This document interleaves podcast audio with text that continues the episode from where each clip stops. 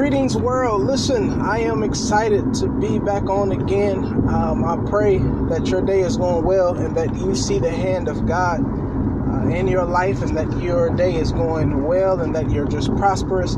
Listen, I'm driving right now, so if you hear the commotion of the background, uh, that's me en route.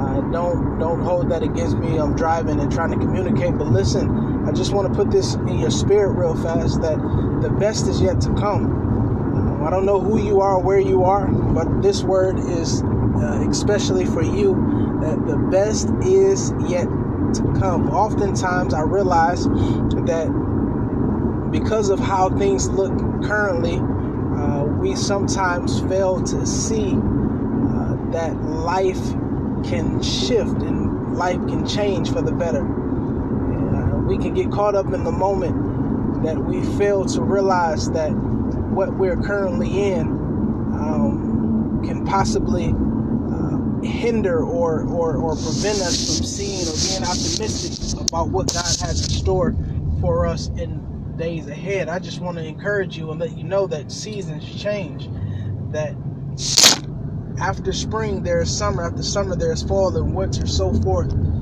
that just as the seasons change, life changes. And that, yes, you can be down at one moment, but I promise you, God is a God that can shift your low moment and raise you up to a high moment. Why am I saying this? Why is this important? Why is this significant? Why should you even bother to listen to this?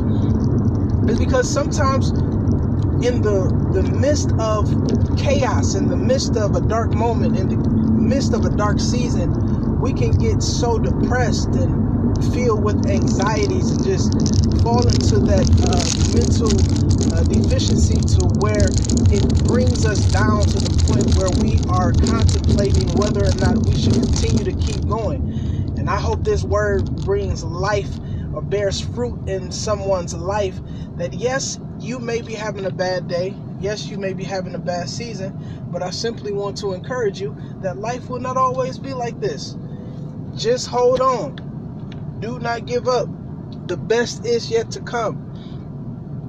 Oftentimes we find reasons to give up, but I want to find I want you to search within yourself the innermost uh, compartmentalized uh, uh, places in your spirit and find reasons to live.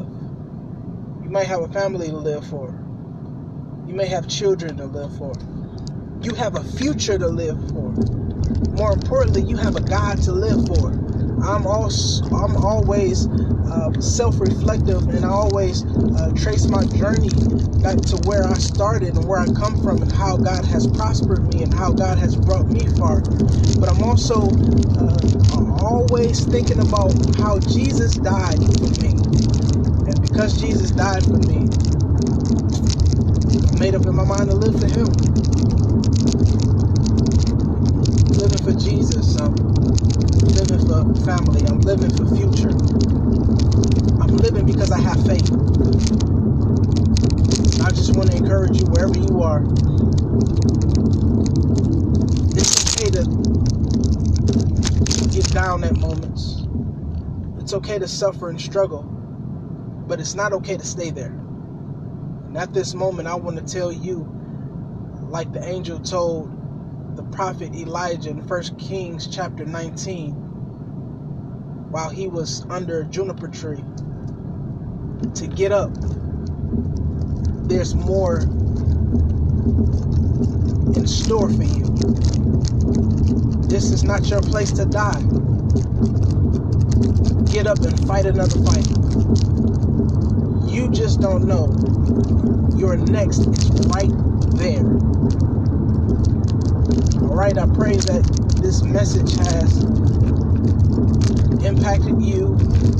Hope that it has had some sort of effect on your life. Maybe you were contemplating giving up. Maybe you thought about throwing in the towel.